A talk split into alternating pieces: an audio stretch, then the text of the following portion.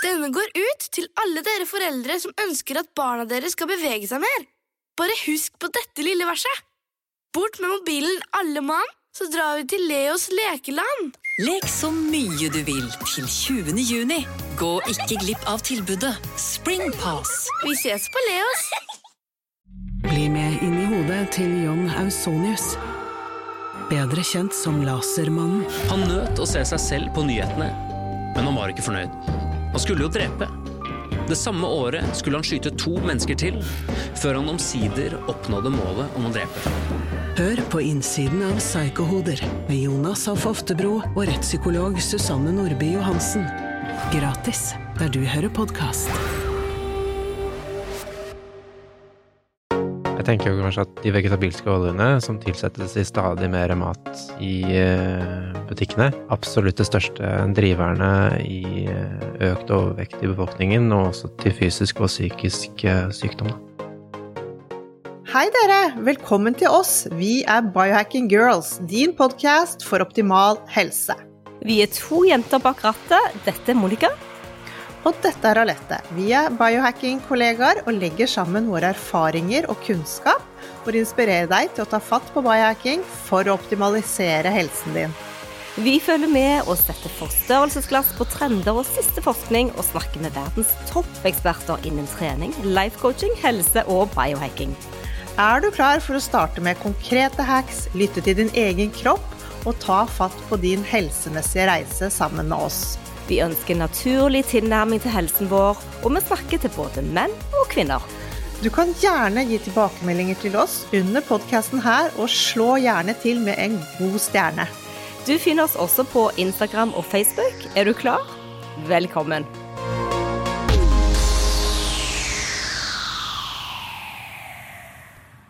De nye kostholdsrådene har ført til at det er blitt mye støy rundt dette med ultraprosessert mat. Og det er egentlig ganske bra. Det har rast debatt en stund, og det er vel egentlig bare sunt at det blir en debatt rundt dette med denne ultraprosesserte maten.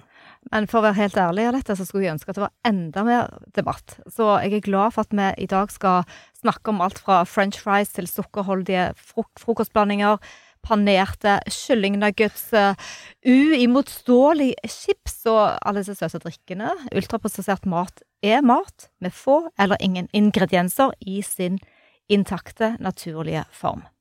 De fleste av disse matvarene eller produktene kan, altså det kan jo nesten ikke kalles mat, mye av det. De har gjennomgått intense prosesser. De inneholder ofte farvestoffer, smakstilsetninger, emulgatorer og andre kunstige ingredienser, designet kun for at vi skal spise mer og mer og bli avhengig av dette. Man kan vel kanskje si at ultraprosessert mat, eh, eller denne maten, er mat med strekkode. Produktene de smaker godt i, og vi vil jo gjerne ha mer av det vi liker, og, og blitt eh, nesten en av de viktigste kildene til kalorier i mange land. Og det er særlig to ingredienser som går igjen i den typen maten vi snakker om. Det er altså sukker, og det er plante- eller frøoljer. Disse ingrediensene har økt helt ekstremt i løpet av de siste kanskje 100 årene, i takt med at maten vår har blitt mer og mer ultraprosessert, og i takt med at folk blir bare sykere og sykere. Ja, kan det ha noen sammenheng? Hmm. Som biohackere er det særlig denne planteoljen vi har mye motstand mot. Og vi to, Monica, vi har virkelig gjort, gjort, en jobb her på å prøve å informere. Og derfor er det så gøy nå når vi endelig kan få noen flere med oss, og også en norsk stemme. Vi har jo snakket med Tucker Goodrich. Og vi har lyst til å få dette ut av kostholdet vårt. Vi har vært detektiver, vi har stilt spørsmål. Du, Monica, du gir deg jo aldri. Om du er ute og spiser eller hos bakeren, alle får høre det. Jeg er så stolt av deg. Jeg bare unngår disse stedene. Og alle får spørsmål om de har noe uten frøoljer.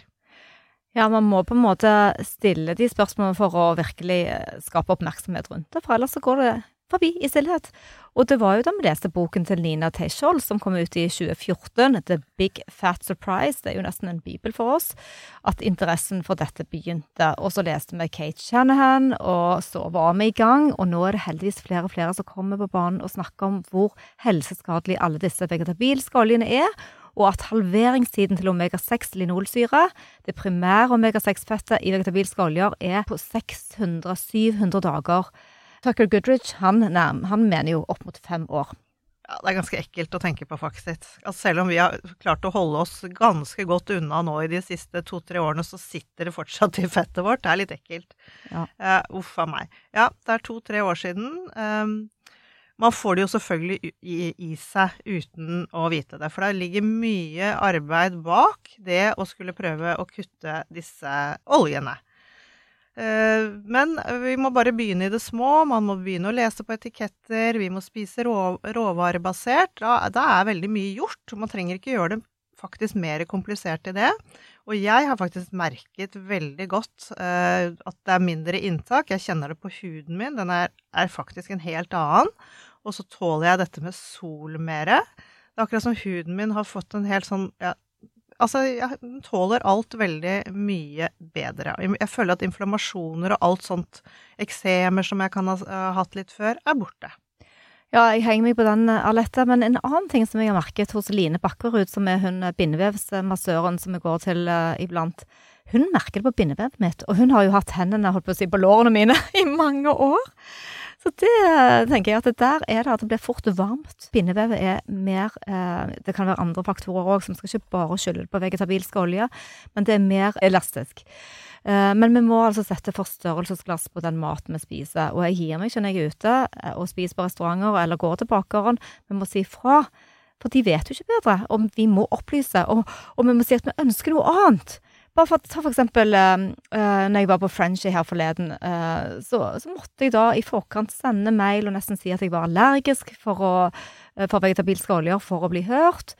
og det gjelder andre restauranter òg. For vi ønsker å ha ren mat, vi har lyst på kjøtt og villfisk og gode sauser uten disse vegetabilske oljene. Så mange ganger så er jo kokkene veldig behjelpelige og, og erstatter for oss hvis vi bare sier ifra. Mm. Det som er bekymringsverdig, syns jeg også, da, er disse små barna i ung alder. Blir de blir syke, diabetes, fettlever. Små barn får til og med cellulitter. Det går ikke riktig vei. I dag skal vi snakke om vegetabilske oljer med Simen Løseth, som går under navnet Ernæringspsykiateren på Instagram. Han er lege i psykiatri og har stor interesse for ernæring, livsstil, psykologi og hvordan disse tingene henger sammen med helsen vår, også hjertehelsen. Han er veldig opptatt av å jobbe med pasienter før de blir syke, og ikke etter. Her snakker vi biohacking. Ja, han er en av de legene som har lyst å snakke om forebygging framfor reparasjon. Velkommen til Biohacking Girls, din podkast for optimal helse. Velkommen, Simen. Denne samtalen den har vi virkelig gledet oss til. Vi har snakket med Tucker Goodrich, og vi vet at du også har lest masse av hans forskning. Og vi var så glad når vi endelig kunne finne en norsk stemme som kan hjelpe oss med å spre dette budskapet om disse vegetabilske frøoljene. Velkommen. Tusen takk. Kan du, før vi begynner med noe som helst, bare gå litt gjennom historien om dette med planteoljer? Crisco, for eksempel. Hvordan startet alt dette? Altså, seed oils, som det heter på engelsk, det, altså, kommer fra, det kommer fra frø, i motsetning til f.eks. avokado og olivenolje, som kommer fra frukten. Det er en, en liten forskjell. Disse oljene ble jo brukt som eh, altså På slutten av 1800-tallet så var de det man brukte det til, var liksom å smøre tungt maskineri til større maskiner. Og så var det noen som fant ut at uh, dette her kan vi jo tjene penger på. Dette kan vi lage mat av. Uh, men i sin rå form så funker det ganske dårlig. Så det er, det er, fordi det lukter vondt og smaker vondt og ser ikke så bra ut. Så det, så må liksom gjennom en sånn omfattende prosessering da, for at man skal liksom kunne bruke det i mat. Endre på lukt, eh, kjemisk endre det, uh, utseende og eh, så hvis man tar et lite step back da, til dette her med ultraprosessert mat, da, så mister jo på en måte disse uh, frøoljene veldig sånn sin Det som er deres uh, utgangspunkt. Så man skal se på det som er sånn NOVA-klassifiseringen av prosesseringsgrad. Så da blir jo på en måte dette også ultraprosessert mat, da. Og som også er mindre, som, som, er mindre bra for vår helse. Så Crisco var jo de første som ble markedsledende på dette feltet, og begynte å advertere som, som, en, som en bedre matolje da, enn det som man brukte før, som var dyrefett. Talg, f.eks. Men eh, vi har jo sett disse skrekkvideoene på YouTube i, om hvordan disse da oljene blir prosessert, som du sier. Det ser jo ikke bra ut. De blir jo både bleket og tilsatt og gjort Det er jo ikke mye igjen av den opprinnelige oljen. Akkurat det. Mm. Eh, og er det, er det prosesseringen som gjør at disse oljene er så problematiske, eller er det andre Sånn ting? jeg har skjønt, så er det en av grunnene, men altså, det er jo rent på sånn kjemisk nivå, så er det jo flerumettede planteoljer. Da. Altså, de er jo det er dobbeltbindinger her som har lett for å gå opp. At eh, det er lett for at de oksideres, og da skaper det som blir frie radikaler. Og det er jo noe man på en måte vet om fra før, at frie radikaler er eh, skadelige for cellene våre, for DNA, eh, for vevet vårt. Og noe som gjør at dette her som er med på å drive liksom, den utviklingen av den kroniske sykdomsutviklingen som vi ser, da. Så det er dette som er sammenhengen mellom det økte inntaket og det dårlige helsebildet vi ser, denne inflammasjonen som de fleste nå sliter med? Det kan se ut som at dette her er eh, en del av bildet. Kanskje liksom en vesentlig, hvis man ser for seg et puslespill, at det er kanskje ganske mange brikker av det. Uh, I tillegg til naturligvis andre ting, sånn tilsatt sukker, mengden kornprodukter som vi spiser, uh, hva slags fôr dyrene får. Men vegetabilske oljer, det ser man stadig i flere matvarer da, i butikkene. Men du er lege og psykiater. Hva er det som brakte deg og fikk oppmerksomheten rundt vegetabilske oljer? Det begynte egentlig med at jeg fikk en litt sånn interesse for økonomi og hva som ikke er så bra med det økonomiske systemet som vi har, og så begynte jeg å henge på Twitter, og så var det noen som snakket om dette her, og så trodde jeg bare dette var noe tull, og, og forkasta det i starten. Men så ble det litt sånn Så lurte jeg, så måtte jeg liksom bare stoppe opp og si sånn hva, hva vet egentlig jeg om dette, da? Og så begynte jeg å lese litt på det, og så så jeg noen podkaster. Og så ble jeg etter hvert overbevist om at dette var noe jeg ikke hadde noe lyst til å spise noe mer, da. Men er du relativt alene om de tankene? For meg og Alette er jo litt sånn Vi er jo litt eh, lonely riders eh, på denne, og ble så glade, som vi sa, når vi fant deg. Det er jo ikke egentlig helt allmenn kunnskap enda å snakke om at man ikke skal ha vegetabilske oljer. Nei, det er vel Det er jo veletablert, egentlig, relativt konsensus. Spør du liksom fastlegen din eller en hjertespesialist, så vil jo de fleste si at dette her er hjertesunne oljer. Men det er, litt sånn, det er jo en litt sånn hårete historie, hvordan dette her liksom ble til, da. Gjerne fortelle litt mer om den historien, for det er utrolig Ja. interessant. Ja. Det er jo mye av dette er jo liksom en, en skikkelse som heter Ansel Keys, som var ganske sånn sentral i dette pushet. Han lagde en studie som heter eh, The Seven Country Study, og eh, hvor han viste at det var en åpenbar korrelasjon mellom utviklingen av hjertesykdom, hjerteinfarkt, og inntaket av metta fett. Og det, når du ser på de grafene, så virker jo det ganske overbevisende om at eh, de landene med høyest inntak, de kommer høyere opp, og så er det en sånn linje som egentlig følger disse plottene ganske bra, da. Men det han Ansel Keys ikke snakket veldig mye om, var jo at eh, dette egentlig var en studie med 22 land. Og når du putter inn de andre landene inn i dette chartet, så er det på ingen måte noe korrelasjon. Det er eh, og i studiesammenheng, altså i hva skal vi si, studieetikette, eller hva man skal kalle det, så kalles dette cherrypicking. Da. Du plukker ut det som passer inn med teorien din. For at det Helt riktig.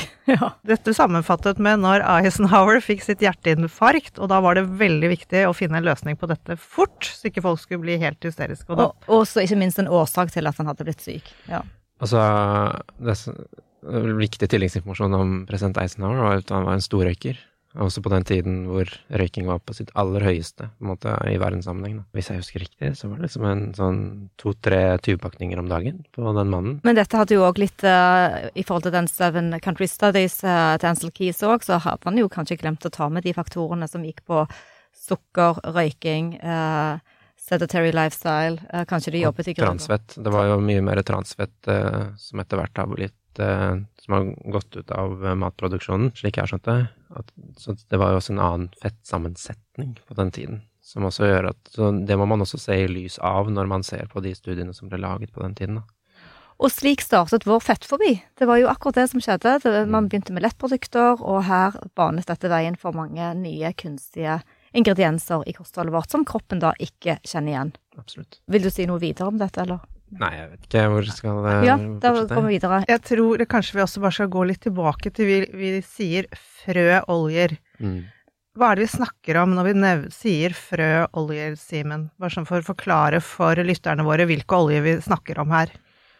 Det er jo på en måte det å skille mellom det som kommer fra frukt og det som kommer fra ol og frø, da. Det er jo Det er jo rett og slett Det kommer jo rett altså fra navnets uh, opprinnelse, at det er eh, seed oils, eller frøoljer, kommer fra frøene. Det Da er, snakker vi om eh, raps, solsikke, soya, ja, og så har man liksom på engelsk heter det rice brand. rice bran, ja, og cotton seed oil. Eh, det som brukes mest i Norge, er jo solsikkeolje og rapsolje. Og så ser man vel litt mer soyaolje i USA, i hvert fall mine. De bruker jo også rapsolje, eller de, på engelsk så heter det vel også canola oil istedenfor rapseed. Mm. Er det kanskje for å pynte litt på det? Jeg er ikke helt sikker. Og hva er sammensetningen på, på de oljene her, frøoljene? Det man på en måte ser mest av, eller som mest problematisk, da, det er jo den omega-6-fettsyren eh, linolsyre på engelsk, eller lino, linoleic acid. En 18 karbonatomers eh, fettsyre med to dobbeltbindinger. Det er det man ser mest, mest forekommende her, da. Og ja. Mm. Og hvorfor er ikke denne linolsyren bra for oss? Nei, det er jo, som jeg sa litt tidligere, at det er disse dobbeltbindingene, de sitter såpass eh, løst at de har lett for å gå opp. Når en dobbeltbinding går opp, så får du et uparet elektron. Det elektronet ikke lenger har måttet måte, et feste, og da kan det skade omkringliggende vev og celler og DNA, og eh, som liksom gjør at dette kan være skadelig, da. Og hvis du skulle forklare det på et litt folkelig språk til Ja. lytterne, hvordan forklarer man den prosessen? Hmm. Når det ikke, ikke en dobbeltbinding går opp? Ja. Oksiderer det, eller Uh, Det skader vevet, ja, det skjønner vi, men uh, blir det lagret der? Eh, har det vanskelig for, for å forsvinne fra organene våre? Det er jo det Det er liksom et I hvert fall på et sånt eh, stoff si, eh, forbrenningsperspektiv, eller metabolismeperspektiv, da, så er det tre liksom, grunner, sånn jeg ser det, til at dette er problematisk. Nummer én så er disse, disse oljene er veldig kaloririke i seg selv. De er næringstette, eller de er energitette, men uten annen relevant næring. Hvis vi sammenligner f.eks. dyrefett talg, så inneholder det f.eks. fettløselige vitaminer.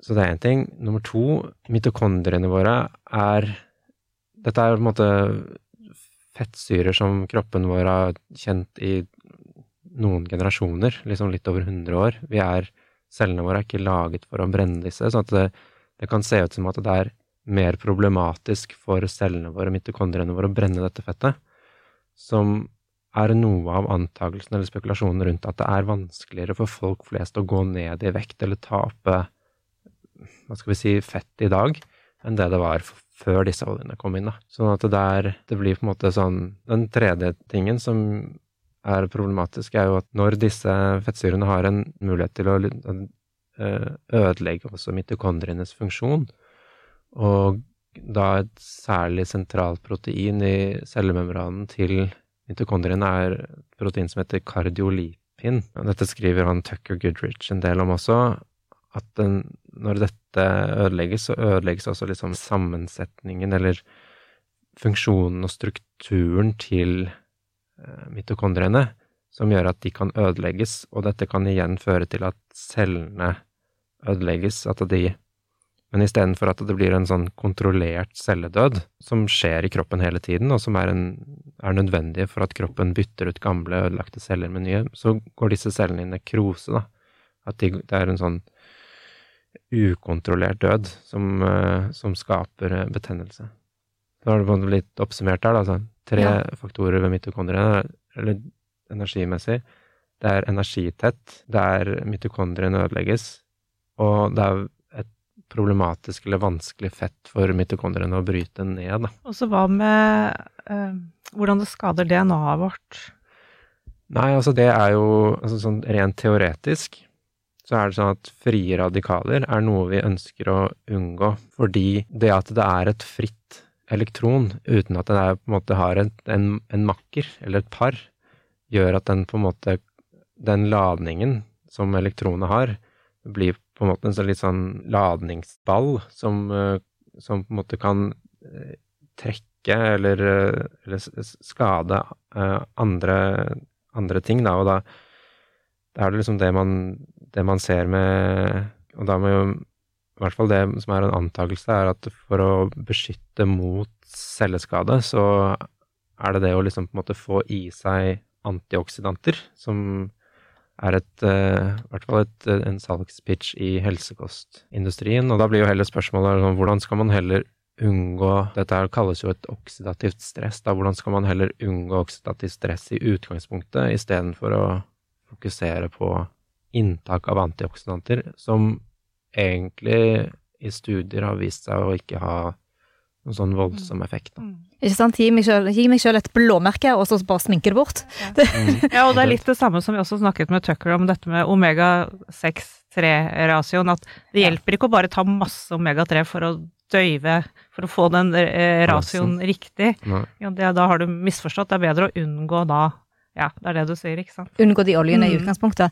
Og det er jo hele problemet her, da. For det, hvis du tenker liksom 100 år tilbake, så besto 99 av kostholdet vårt av animalske eh, produkter eh, når det gjelder fett.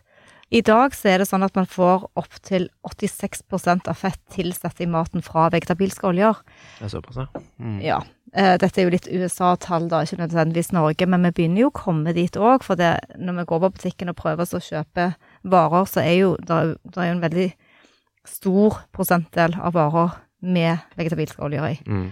Så kan du enten velge skal vi bare unngå det helt, eller skal vi ha lite grann, går kanskje greit. Men da, tilbake til Tucker Goodrich, så snakker vi om at disse oljene de blir jo lagret i kroppen i opptil fem år. Mm. Hva tenker du om det? Nei, jeg har lest det samme, egentlig. At eh, hvis du på en måte har hatt et inntak av disse oljene i, til i dag, og så slutter du på dagen, så i hvert fall Det er litt forskjellig hva, hva jeg har lest, men omtrent tre til fem år tar det å på en måte i gåseøynene bytte ut fettet. Vi, vi har jo alle fett ulike steder på kroppen. Bytte ut fettet med på en måte en mer naturlig sammensetning. Men du, litt tilbake til deg også. Hvordan gjør du det? Hvordan har du da klart å kutte ut eh, vegetabilske olje? Syns det er slitsomt? Det, det er slitsomt i starten, det er det. Men det, er noen varer som jeg syns eh, er liksom vanskelig å, å bli helt kvitt. Jeg, jeg har nærmest eh, sluttet med potetgull. Er sånn jeg, jeg smaker på det innimellom for å liksom spørre meg selv om er det fortsatt digg. eh, Og så nja, det er ikke verdt det. Men det er, sånn, det er noen ting som er vanskelig å på en måte bli helt kvitt. Det er for eksempel tortillalefser. Det er liksom Det blir ikke helt taco uten det. Eh, Så det klarer jeg den, Da tar jeg Baker du ikke selv, altså? Det er det, da. Det det er kanskje neste steg, er å begynne å bake til deg selv. Det er, så det er tacolefser, og så er det hamburgerbrød, som er liksom sånn Noen ganger så spiser jeg hamburger uten brød, og så bare sånn jeg har liksom hamburgeren på siden der, og så er det liksom ikke helt det samme. Så det er eh, Men jeg tenker også Jeg tenker sånn det viktigste er liksom, tenker jeg da, er liksom bare en reduksjon. Og så kan du heller liksom vente litt med eliminasjon. I hvert fall starte med reduksjon, da. Ja, det er et veldig godt poeng at man må ikke ta alt på en gang. Det er det der å ta én ting av gangen, og så har man sine som du har de krykkene. Mens etter hvert så vil du kanskje begynne å bake selv, da, og Det sånne ting. ikke sant? Sånn at man må ta det steg Alle starter fra ett sted. Veldig bra. Mm. Så er det jo òg det poenget med økonomi, da. Sant? Eh, Jeg skjønner jo at eh, produksjonsselskap har lyst til å tjene mer penger og være mer effektive. Så vi forstår på en måte den ultraprosesseringen òg. Mm. Og på en måte så må vi nesten være litt på lag og spille på lag med, og så ser vi heller kan hjelpe og inspirere de store leverandørene av produkter til å tenke litt nytt. Og det er vanskelig for meg. Jeg har lett vært i dialog med flere med Mm. bakere, med produsenter av aioli, altså sånne altså, forskjellige ting, da. Trenger ikke nevne noen navn her, men vi kommer liksom ikke ingen, vi kommer ingen vei. Det er en vegg, eh, og det skjønner jeg òg, for det er jo deres varemerke. Og hvis de skulle begynne å lage et bedre produkt, så vil de på en måte si at de andre produktene er dårlige. Det er en eller annen sånn holdning der.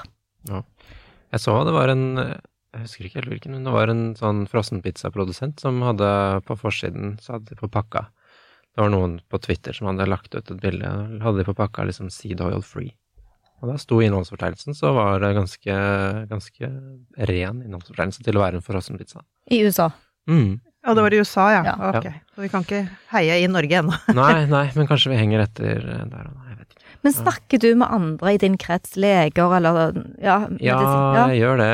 Det er jo ikke sånn kjempeinteresse for det. Du får ikke Nei. helt gehør. Nei, eller de venner av meg, eksempel, kan, de kan eh, lytte litt og være litt enige, men gjør kanskje ikke samme tiltak i matveien som jeg gjør, da.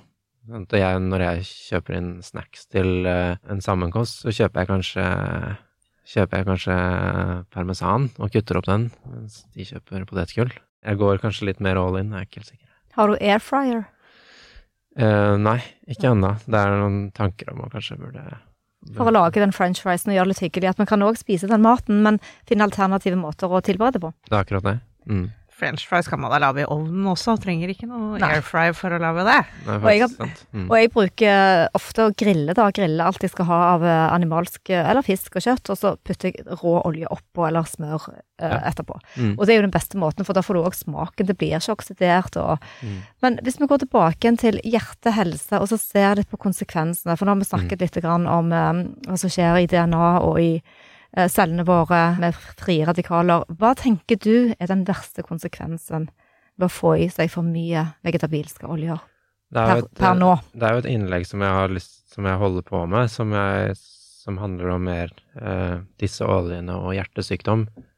Og det er ikke bare jeg som prater om dette, det er jo en artikkel fra British Journal of Medicine som skriver om dette her, om, om linolsyre og liksom at den er en drive i hjertesykdom, da. Men det er på en måte Jeg graver litt, og det er liksom ikke så mye studier på dette her med vegetabilske oljer som konsekvens, da. Det er de fleste studiene er jo observasjonsstudier som viser at det å spise metta fett, det er korrelerer med hjertesykdom, og det er en annen studie som, som jeg mener er fra 2013, som jeg har eh, funnet, eh, hvor det var en gruppe mennesker som hadde fått, de hadde fått en hjertehendelse, ikke sant, eksempel et hjerteinfarkt, og så ble de oppfordret til å bytte fra mettafett til flerumetta plantefett, og så så man at det var en økning med hjertehendelser som konsekvens, da. Det er også noe jeg kan prøve å finne igjen, og så linke til. Ja, det var kjempefint. Ja, veldig fint. Alltid gøy med sånne, Ja.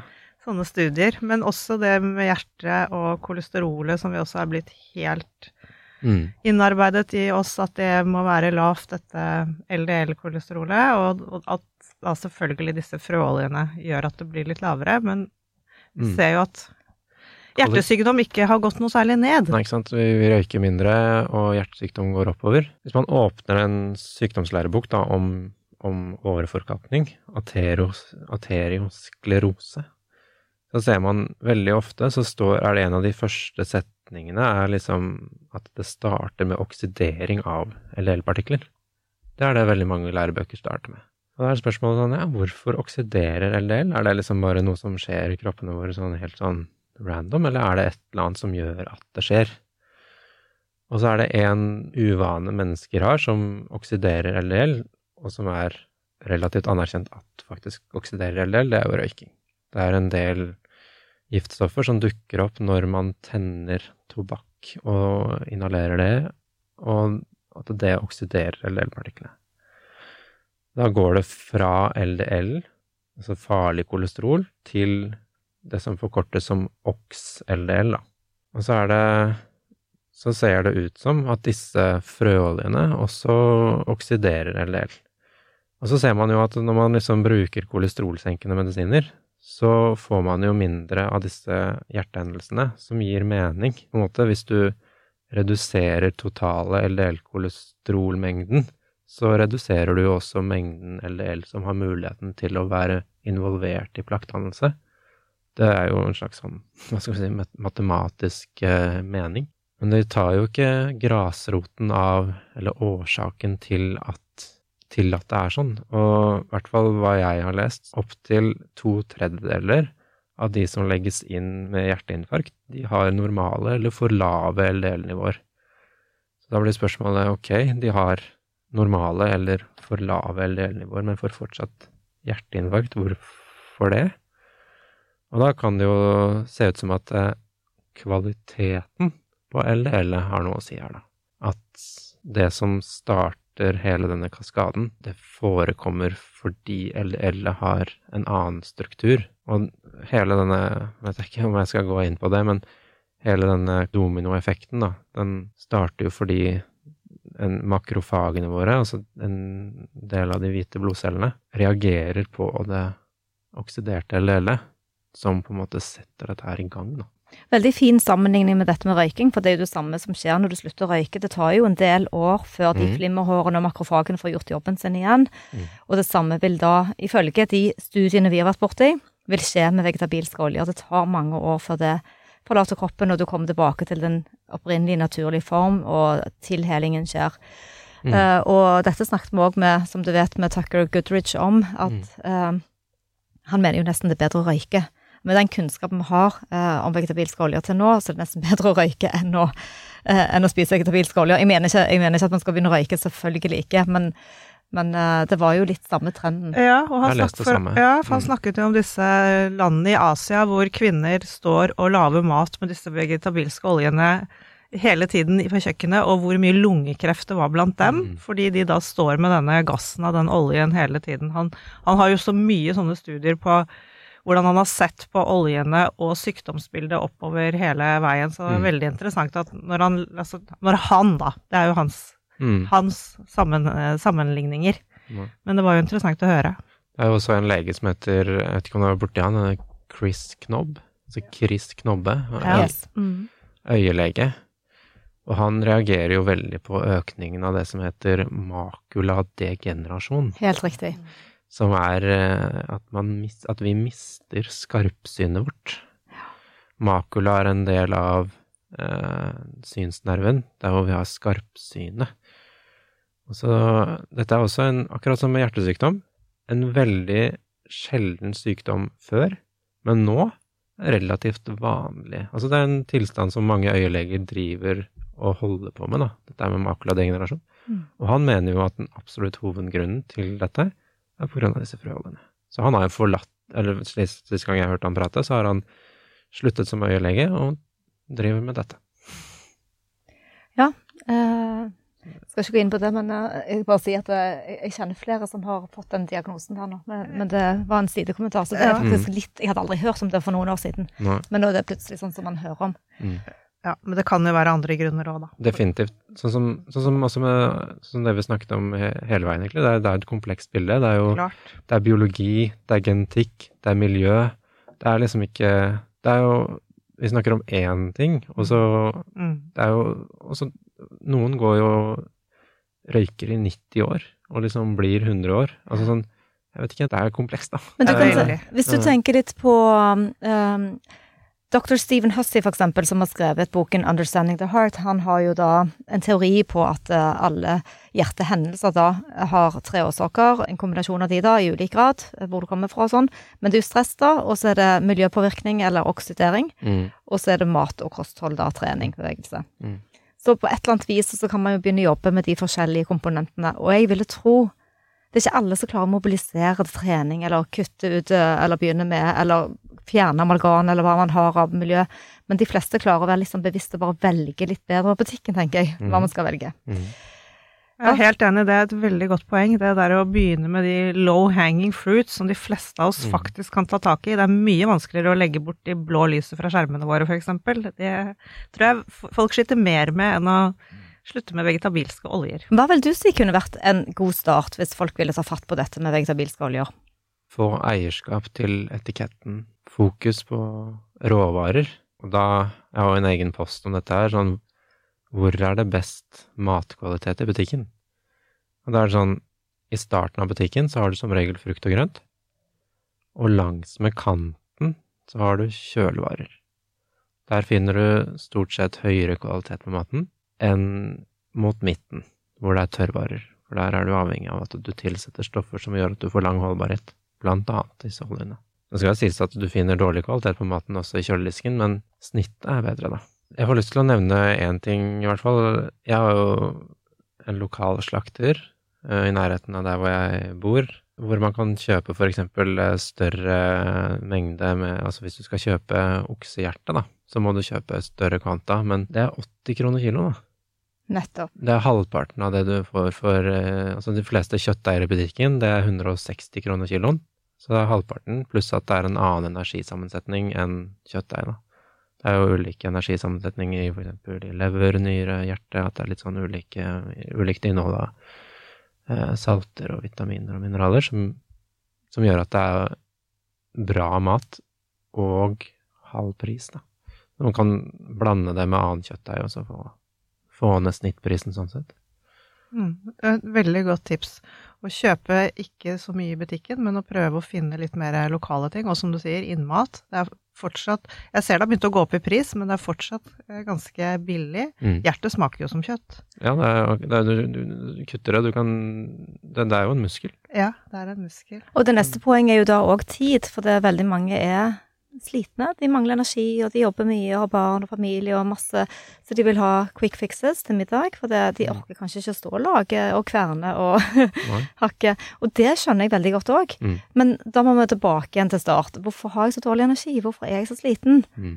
Og kjenne etter hvor kommer symptomene fra. Det nytter ikke bare å reparere hele tiden. Nei, det er det. Nei, jeg tenker sånn uh, gode næringsrike måltider som er lett å lage, kjappe å lage. Uh, det er jo jeg syns jo mange av de oppskriftene som Marit Kolby deler, er akkurat det. Fokus på råvarer, få ingredienser, raskt på lage. Og eh, det trenger ikke å være så komplisert. Jeg tenker sånn steke, bake kjøttdeig og hive oppi noen frosne grønnsaker. Hvis det tidligere alternativet var å kjøpe si frossenpizza eller annen ferdigvare, så er jo det en enorm oppgradering, tenker jeg da. Jeg er helt enig. Jeg tror folk gjør det litt mer komplisert enn det det er. De tenker at det, en frossen pizza er Selvfølgelig, det går, går, fort, men det er som du sier, har du kjøttdeigen i kjøleskapet og frosne grønnsaker, går går også, det går like raskt Kanskje å frese det. Kanskje er, raskere, ja. Jeg delte akkurat med Alette at eh, minstemann hjemme som er tolv, da han har begynt å lage scrambled egg. Piske den og steke den hver morgen ved siden av brød med leverpostei og sånn. Mm. Og det syns jeg var så fint, for det, at, eh, for det første er det noen presterer å mestre. Det tar ett minutt, han må vaske pannen og gjøre alt, men, men, så får han i seg litt ekstra proteiner. Og det er en enkel måte, men han tar dette scrambled oppå leverposteien, da, med ja. salt og pepper på. Ja, super Høres jo kjempegodt ut, da. Ja, ja, han sier det. Ja. Skal vi gå litt tilbake igjen til uh, omega-6 og omega-3, som er essensielle fettsyrer. Og det betyr at kroppen ikke selv klarer å produsere disse, men at vi må få de via kostholdet. Dersom vi kutter ut vegetabilske oljer, hvor får vi da Vi har snakket litt om det, men hvor får vi de omega-6-oljene fra, da? Slik jeg har skjønt det, så får man det fra nesten alt. Man får det fra kjøtt, man får det fra egg, man får det, man får det fra veldig mange matvarer. Man kan søke det opp på sånn omega-6 content inn, og så putte inn det man lurer på. Og så er det omega-6 i de fleste, eller i veldig mange produkter, da. Sånn at det, selv om man kutter ut disse vegetabilske oljene, så ser det ut som at vi fortsatt får for høyt inntak av omega-6. Og det kan kanskje ha en eller annen historisk sammenheng med at vi kanskje har spist mer fisk, eller fet fisk, liksom tidligere i vår evolusjon, sånn snittmessig som art, og at nå blir det en ubalanse, selv om vi kutter ut de moderne planteoljene. Men vi ser jo også at sånn oppdrettsfisk og sånn, den har jo betydelig høyere. Omega-6-innhold eh, enn en det hadde før. Sånn mm. at det er jo blitt en, allerede der en ubalanse. Soya kraftfôr, ikke sant. Mm, helt klart. Er, så den optimale ratioen er jo én til én, men så ser vi da i den vestlige verden nå at den er ofte oppe i 20 til 1. Mm, ja, det er veldig spennende å lese på dette med omega-6 og omega-3. Det er sånn Jeg er ikke helt uh, sikker sikker der ennå. Jeg, sånn, jeg, er litt sånn jeg er i utforskningsfasen, holdt jeg på å si. At jeg driver og leser på dette her. Og ja, det er spennende greier. Altså. Det er veldig lett som uh, forbruker og menneske å bli eh, matforvirret. Absolutt. eh, jeg blir eh, Jo mer jeg vet, jo mer skjønner jeg at jeg ikke vet. Så at eh, jeg kan, i hvert fall hvis man på en måte egentlig ikke har så veldig mye interesse for det, og vil ha liksom noe litt sånn lett og quick fix, så, og hvis man da følger noen av disse profilene på eh, sosiale medier, så kan jeg se for meg at man veldig fort blir bare sånn helt matt. Uh, man får sånn informational eh, fatigue. Overload. Fatigue. Man blir sånn uh, Hvordan skal jeg orke det, liksom? Tilbake til sånn rene råvarer. Vann som tørstesluker. Det er liksom Det er mitt liksom hovedbudskap, egentlig. Det, da, da oppgraderer man liksom matkvaliteten sin så godt, da.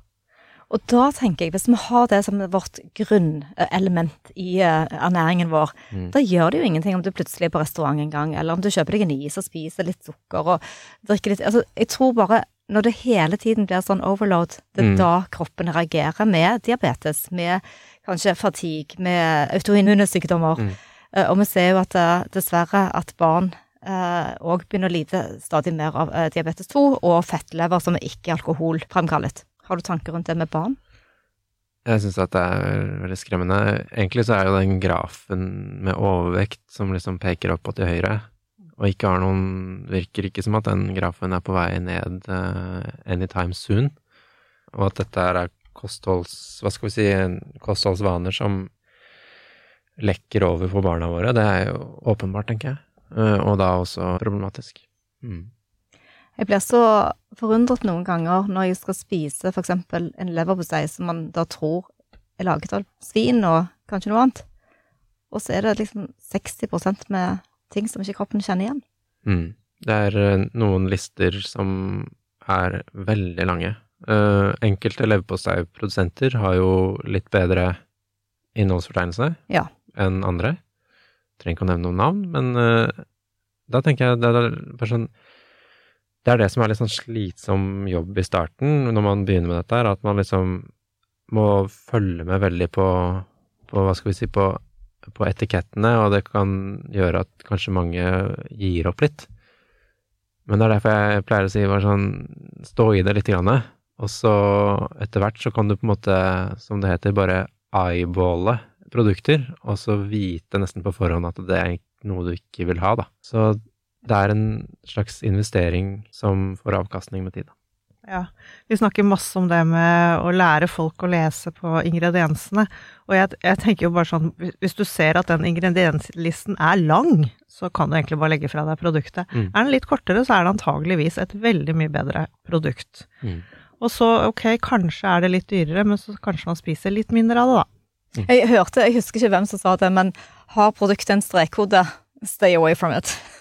Ja, det er jo det er sånn Råvarer, da Råvarer er en ingrediens. Råvarer har ikke ingredienser. Det er liksom sånn, slags sånn to streker under svaret. Og det er derfor vi ofte sier at det er mat uten ekstra ingredienser. At det bare er ingrediensen som er maten. Mm, mm, mm. Ja, så vi er jo alle selvfølgelig glad i å gå ut og spise, men når man har blitt sånne frøoljedetektiver som Monica og jeg er blitt, så merker vi at vi er mindre og mindre lystne på å gå ut. Monica er helt rå, hun ringer jo i forkant for å være helt sikker på at eh, det går an å få noe som ikke er soaket i olje, men allikevel, når man kommer på restauranten, så er det allerede gjort. Ikke sant? Biffen er allerede lagt i olje. Så hva skal man gjøre når man går ut og spiser for å ta de beste valgene? Jeg, jeg, jeg er litt usikker. Jeg er litt sånn eh, Noen ganger så drister jeg meg til å spørre om de kan steke det i meierismør, eller eh, en av de andre variantene som har mindre av disse planteoljene. Men det er også en sånn det er også en sosialt altså aspekt ved det, at det, liksom, det er også litt rart å være han personen. Så det er jo Det er jo mer det at eh, kanskje spiser sjeldnere ute, da, enn før. Ja, for du trenger ikke å si at unnskyld, men kan du ikke steke de kreftfremkallende oljene til meg? Mm. Kanskje du i forkant, som jeg pleier å gjøre, så sender jeg en mail. Mm. Og da sier jeg ofte, og det har jeg funnet ut til alle dere lyttere, bare bruk mitt hack. Jeg skriver at jeg er allergisk mot Jeg eh, har gjort det noen ganger selv. ja. Ikke sant? For da, da, da gjør de noe med det. Allergi- De er redd for at du skal bli syk, ikke sant. Mm. Helt riktig. Så da må jeg på en måte ta på meg den hatten der, og det er et par restauranter jeg alltid kan stole på, Mm. så jeg går tilbake til. Eh, men de, de er veldig få. Eh, og sist jeg gjorde dette og skrev at jeg var allergisk, så hadde de ikke fått det med seg engang. Og det endte med at jeg kunne spise Det var noe uh, pølse. Salamipølse. De hadde ingenting på hele restauranten som ikke var forhåndsrullet Oi, og tilberedt på hele denne restauranten. såpass. Og jeg trenger ikke nevne navn, for det er ikke vits å henge ut folk. Men det er jo veldig trist at det er sånn. Mhm. De hadde ikke eksempel østers, eller de hadde ikke noe sashimi. Alt var for uh... Men er det for å øke holdbarheten, eller? De forhåndsruller det i eh, Jeg tror det bare, bare er en sånn tilberedning, være tilberedning, de gjør, og så For at det skal være raskt i panna, Ja. Ja. ikke sette seg fast, Ja. eh, Ja. noe sånt, ja. Mm. antageligvis. Og da kan man jo tenke, grunnen for at man bruker de oljene er jo fordi at de er rimelige, Mm. og de er smakløse. Mm. For det er ikke alltid det smaker godt med kokos til for eksempel biff, eller så er det ikke alltid godt det smaker olivenolje til. Så De er jo litt sånn karamell, ikke sant? Ja. ja Helt riktig. Ja. Så det er jo én ting. eh, Så jeg forstår jo òg perspektivet til kokkene. Det er det ene med smak, og det andre er økonomi. Mm. Helt klart. Men, eh, men, men så uh, har vi vært litt borti denne da Zero Acres Farm og deres olje, som Tucker Goodrich også Vi snakket med han om det, for han har gått inn på det og er veldig sånn Og dette er da en olje som er bygget opp på sukkerroer, ja, mm -hmm. som da har ikke har den samme omega-6 linoleic acid-innholdet, okay. som også er smakfri, som de nå prøver å få ut i restauranter rundt om i USA. Har du hørt om den? Det er han Jeff Nubbs. Jeg tror jeg har hørt om den, Mm. uh, men jeg har ikke satt meg ordentlig inn i det. Nei. Nei. Den ligner litt mer på olivenolje, og, og Tucker Goodrich han jobber jo da som veileder for de og har et samarbeid. Vi, har ikke fått, vi kan ikke få den til Norge ennå, men vi er litt interessert i å ta kontakt med det firmaet for å se. Mm. Eh, De er så små ennå, så de kan ikke distribuere worldwide. Men Ok. han, uh, Jeff Knops kommer selv fra uh, restaurantbransjen, Okay. så han så alt dette og konsekvensene. Så, så, så det er et veldig spennende prosjekt. Og så tenker jeg, da er det håp.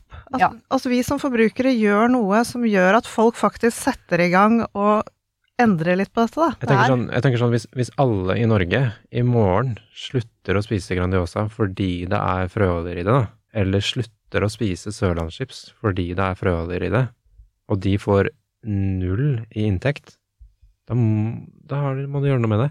Men så lenge folk fortsetter å kjøpe det, så har ikke de noe økonomisk insentiv fra, for å endre det, og da blir det sånn. Og tilbake til det vi snakket om tidligere. Vi har snakket med noen bakere, og bakerne i dag de får jo ferdige melblandinger, Mm. inkludert alt det vi ikke ønsker. Putter det inn, så det kommer jo som en ferskvare fordi at det lukter nystekt og nybakt. Mm. Men de var ikke interessert i å tenke alternativ å lage ett brød som var uten Ne. sukker og vegetabilske oljer.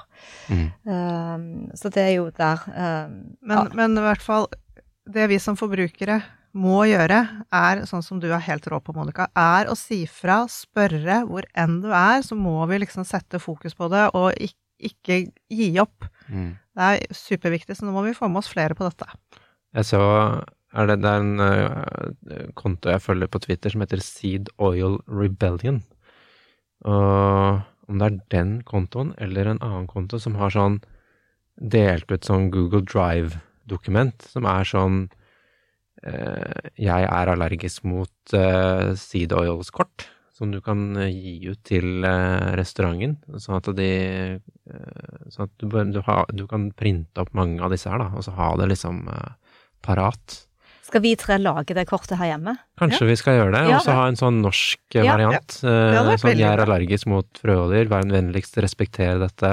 Eh, her er mine alternativer. På forhånd, tusen takk. Mm. Noe sånt. Du, det, det gjør vi. Og så kan vi òg dele ut til lytterne våre. De som vil ha, bare send oss en eh, Mm. melding, så skal dere få sendt i posten. Vi Ja. printer jo de. Det gjør vi. Og jeg vet også at uh, Weston A. Price de har også en uh, liste, dette er jo selvfølgelig også i USA, over restauranter hvor det er veldig enkelt å få servert uten seed oils, Mm. som da forbrukere sender inn når de har vært. Så kommer det nye navn på listen, og så blir de da oppfordret til å bruke disse restaurantene når man reiser rundt i USA. Noe sånt kunne vi også gjort i Norge. Mm.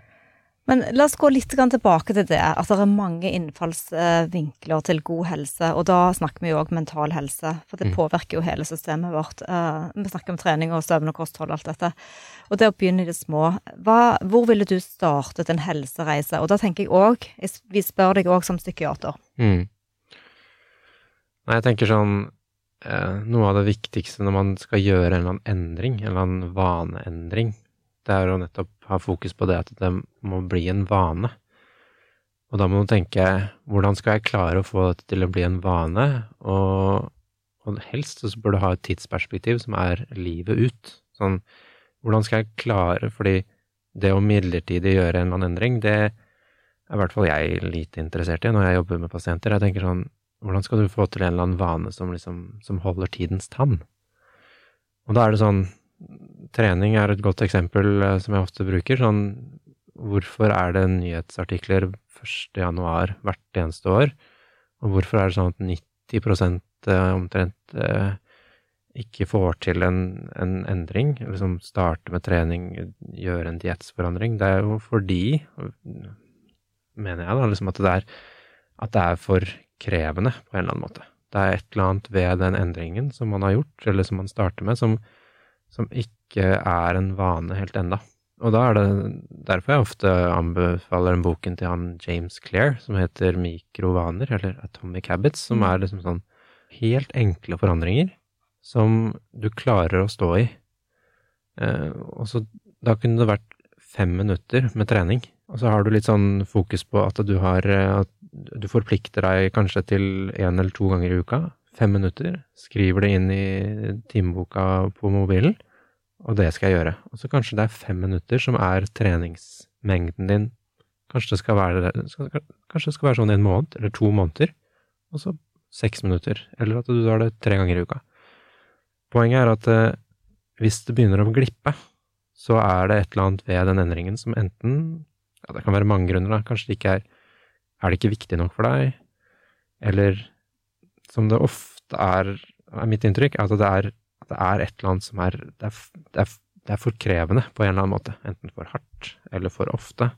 Som gjør at man faller av, fordi vanen om å ikke gjøre det er jo den egentlige vanen som man prøver å endre på. Altså, samme inn på det med ernæring. Skal man prøve å gjøre en endring, så er det Man må tenke at det skal være en eller annen endring som jeg klarer å stå i over tid. Helst livet ut. Og da er det jo ofte at man ser en god eh, konsekvens av det man gjør, som er motiverende. Man blir enten litt mer energisk, sover litt bedre, får det bedre i relasjonene sine. Mm. Noen vil ned i vekt. At det, må, at det er litt If you can't track it, you can't take it, sier vi alltid. At det, når noe er litt målbart, man kan se på åreringen vår at vi sover litt bedre. Mm. Man kan se på blodprøver at det, ved å dempe den oksidative loaden, så, så blir verdiene bedre. De hvite mm. blodcellene blir sterkere. Mm. Så er det ikke alltid man ser endring, da. Og så er det jo veldig mange som mister eh, piffen fordi de ser at uh, det ikke er noe endring på Det er særlig vekt, da, som kan være et sånt uh, typisk eksempel. Man prøver å være mer aktiv og spise mer riktig, og så går man ikke ned i vekt. Kanskje man går litt opp. Mister motivasjonen, og så gir man opp. Men en annen ting også som jeg ser også, at folk er veldig ofte veldig, veldig motivert. Og jeg syns det er utrolig vanskelig for Monica og meg å klare å motivere til å gjøre ting sakte. For de er så Altså, vi driver jo treningssenter, og det er helt klassisk i januar og i august så kommer de inn, og de er så pep. Og så mm. vi sier begynn med én gang i uken. Nei, nei, de kommer fem, og så var det i to uker, og så er det borte. Akkurat det. Mm. Ser du også det? Tja, kanskje ikke på samme Kanskje ikke like konkret som det, det, noen som jobber på et treningssenter ser. De er kanskje de som ser det mest konkret. Men nummer én så kan man bare si sånn Hvis noe er viktig for deg, hvorfor kan du ikke begynne i oktober? Mm. Hvorfor må du begynne 1. januar? Mm. Er det egentlig ikke viktig nok for deg? Um, Sånn at det er, hvis noe er viktig nok for deg, så kan du begynne i dag. Uh, og om et år så vil du være veldig glad for at du begynte i dag. Kan vi ikke i den sammenhengen snakke litt om alkohol òg? Mm. Uh, det har jo blitt en ganske stor bevegelse nå og trend at folk uh, i stadig større grad stopper å drikke. Og mange unge òg er influensere som har lyst til å liksom leve med mer energioverskudd. Mm. Og dette er jo òg en sånn Hvis man da kanskje føler man drikker litt for mye, da, trenger ikke nødvendigvis ha et stort alkoholproblem, men du, du bruker litt for mye og litt for ofte, så er det aldri en dato som passer. Du bare utsetter Å ja, 1. januar, eller mm. Men det er ofte disse coachene som har hatt på podkasten, de sier at det, det, er ingen forskjell. Bare begynn i morgen. Bare start nå. Ikke mm. vent på oktober eller januar. Bare begynn nå. Mm. Så det òg kan kanskje være uh, Hva er spørsmålet mitt egentlig? Spørsmålet er alle de vanene. Vi skal eliminere noe, vi skal legge til noe. Mm. Eh, kanskje man skal lage seg en liste over verstingene som finnes i livet mitt akkurat nå. Er det noe jeg kan tweake på? Er det noe jeg har lyst til å tweake på? Mm. Det er jo det å prøve å være, ja, så, som du sier, liksom være konkret eh, og konsekvent. Eh, den endring Du må gjøre, gjøre små endringer som du klarer å tåle. Altså, vi er inne på dette med motivasjon. Motivasjon er jo eh, ikke en god venn, spør du meg. Motivasjon svinger veldig, og veldig uforutsigbar. Og det kan man også se i de som jobber med å bli kvitt sin depresjon. At det å jeg skal vente på motivasjonen for å komme opp av senga. Sånn, den Veldig uforutsigbar. Men det som er forutsigbart, er disiplin. Så det å bare liksom Konsekvente handlinger over tid. Og motivasjonen kan du ikke vente på, motivasjonen kan du ikke stole på, og, men disiplin og kontinuitet, det kan du.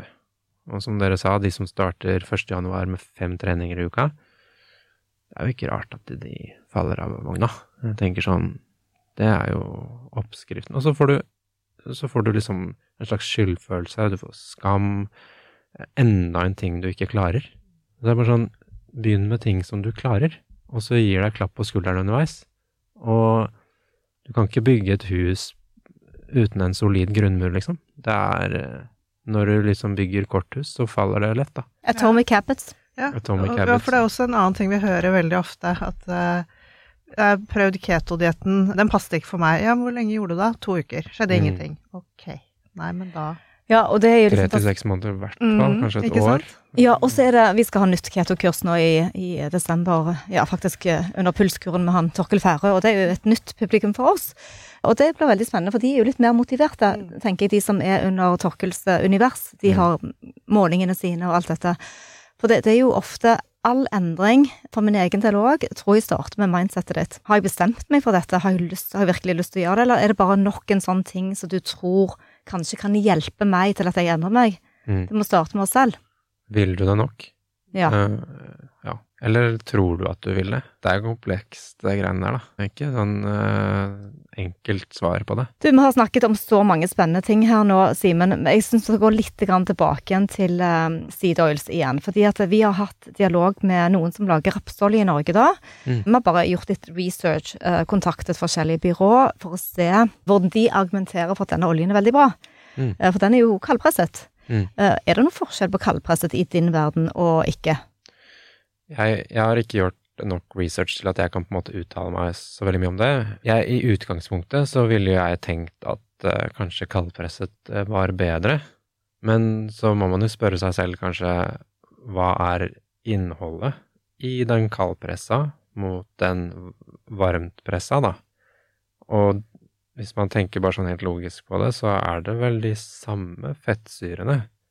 Og hva, hva skjer med de når de havner i stekepanna, da? Ja, for hvordan bruker du oljen? Du drikker den jo ikke. Mm -mm. Hva bruker du den til? Ja, man steker, da. Ja, Og da, hva skjer da? Ja, får du eh, oksidering og ødelagte fettsyrer. For det svar fra noen, da, uten å nevne navn, sier da at det er norsk økologisk rapsolje. Frøene dyrkes på norske eh, marker, mekanisk med luft før de kaldpresses til olje og rapskake, som er restene av skallet, i en extruder-presse.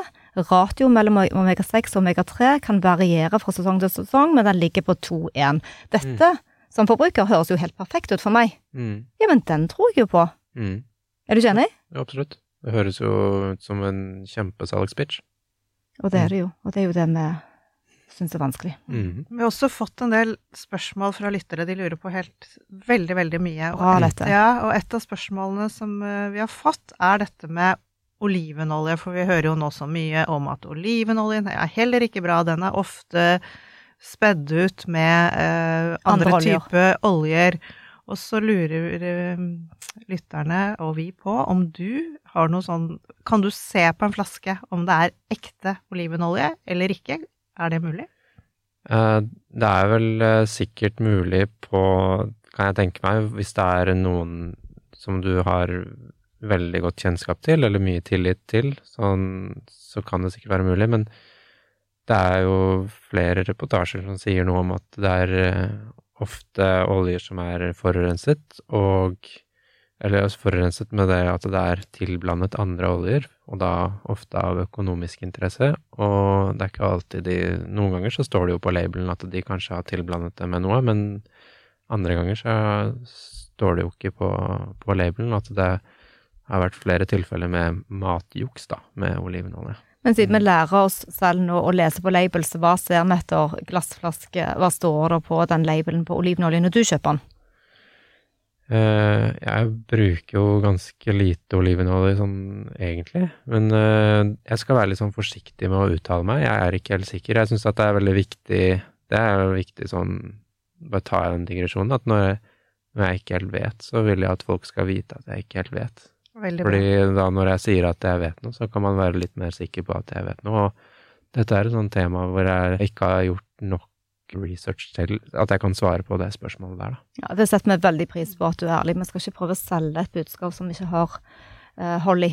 Mm. Eh, Et annet spørsmål fra en lytter er hvordan man kan vite hva som er OK temperatur, og når man f.eks. steker med olivenolje, hvor høyt opp kan man gå uten å Man kan jo man kan søke på man kan søke på smoking point, og da får du jo Jeg har sett på en liste på Wikipedia, der ser du jo jeg tror det er eh, avokadoolje som eh, tåler mest før det begynner å er 270 eller 280 grader. Og så er det solsikkeolje som hadde var det 255, og så har du talg og det som er klarnet smør, eller gi. Der er de er nede på 250.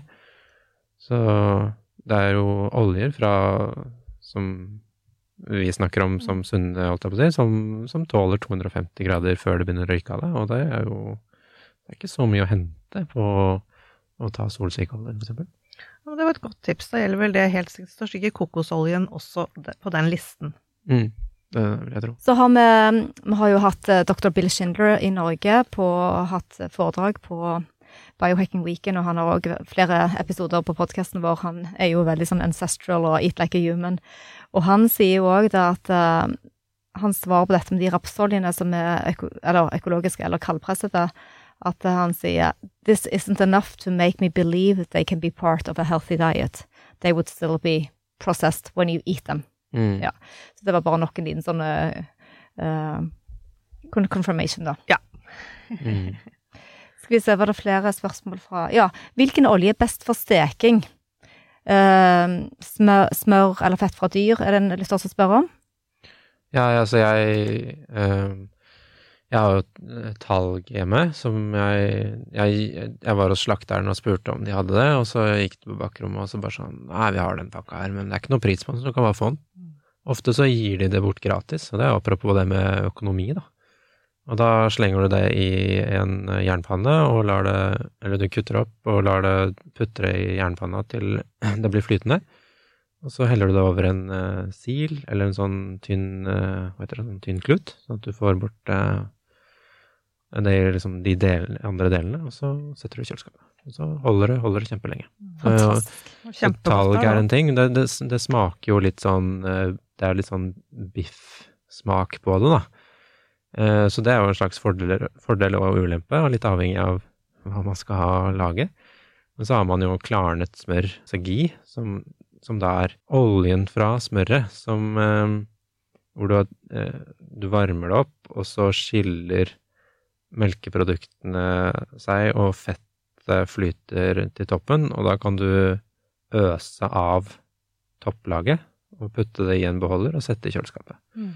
Og det Begge, både talg og, og gi tåler jo 250 grader før det begynner å ryke av det, så du kan liksom steke på ganske høy varme før det blir noe tull, da. Tusen takk for all kunnskapen din. Ja, veldig, veldig gøy. Og pick your brain. Ja. Du er en viktig stemme, og Ja. vi setter pris på at vi er flere som, eh, som har lyst til å spre budskapet om vegetabilske oljer. Hvor kan folk finne deg? Du har en blogg, og du har en Instagram.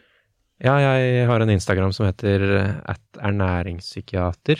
Eh, Det samme navnet er på en TikTok.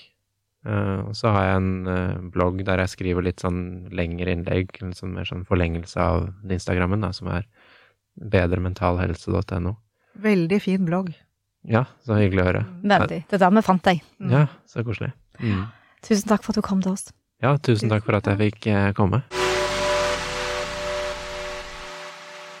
Igjen, Monica, en fantastisk podkast. Masse læring for oss. Eh, masse, veldig gøy å høre flere som er ute i samme mission som det vi er.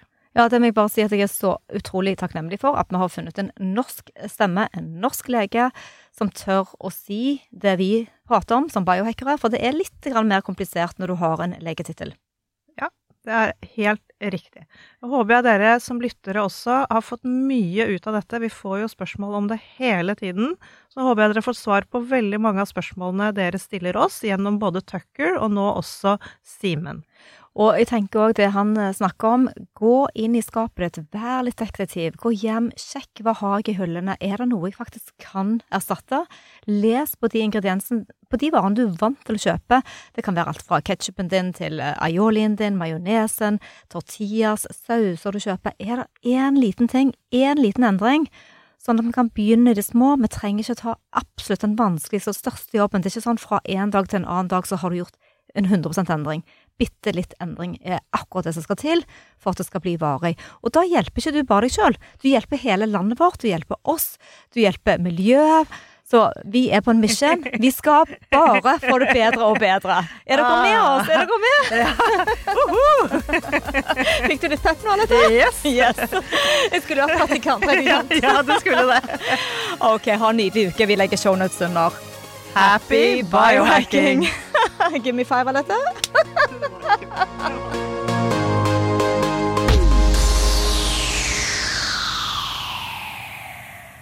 Vi minner om at dere må snakke med egen lege eller kostholdsveileder om dietter og andre spørsmål relatert til medisiner og supplementer. Informasjon vi deler, kan ikke bli brukt til å diagnostisere, behandle, forebygge eller kurere noen sykdommer eller tilstander. Men i alle dager, sier du at bruktbilen jeg kjøpte av deg, ikke kan settes i revers? At jeg sjøl må dytte den ut av garasjen? Men det er jo en diger søv Gikk ikke bruktbilkjøpet helt som planlagt? NAF-medlemmer får juridisk hjelp hele døgnet. Bli medlem på naf.no.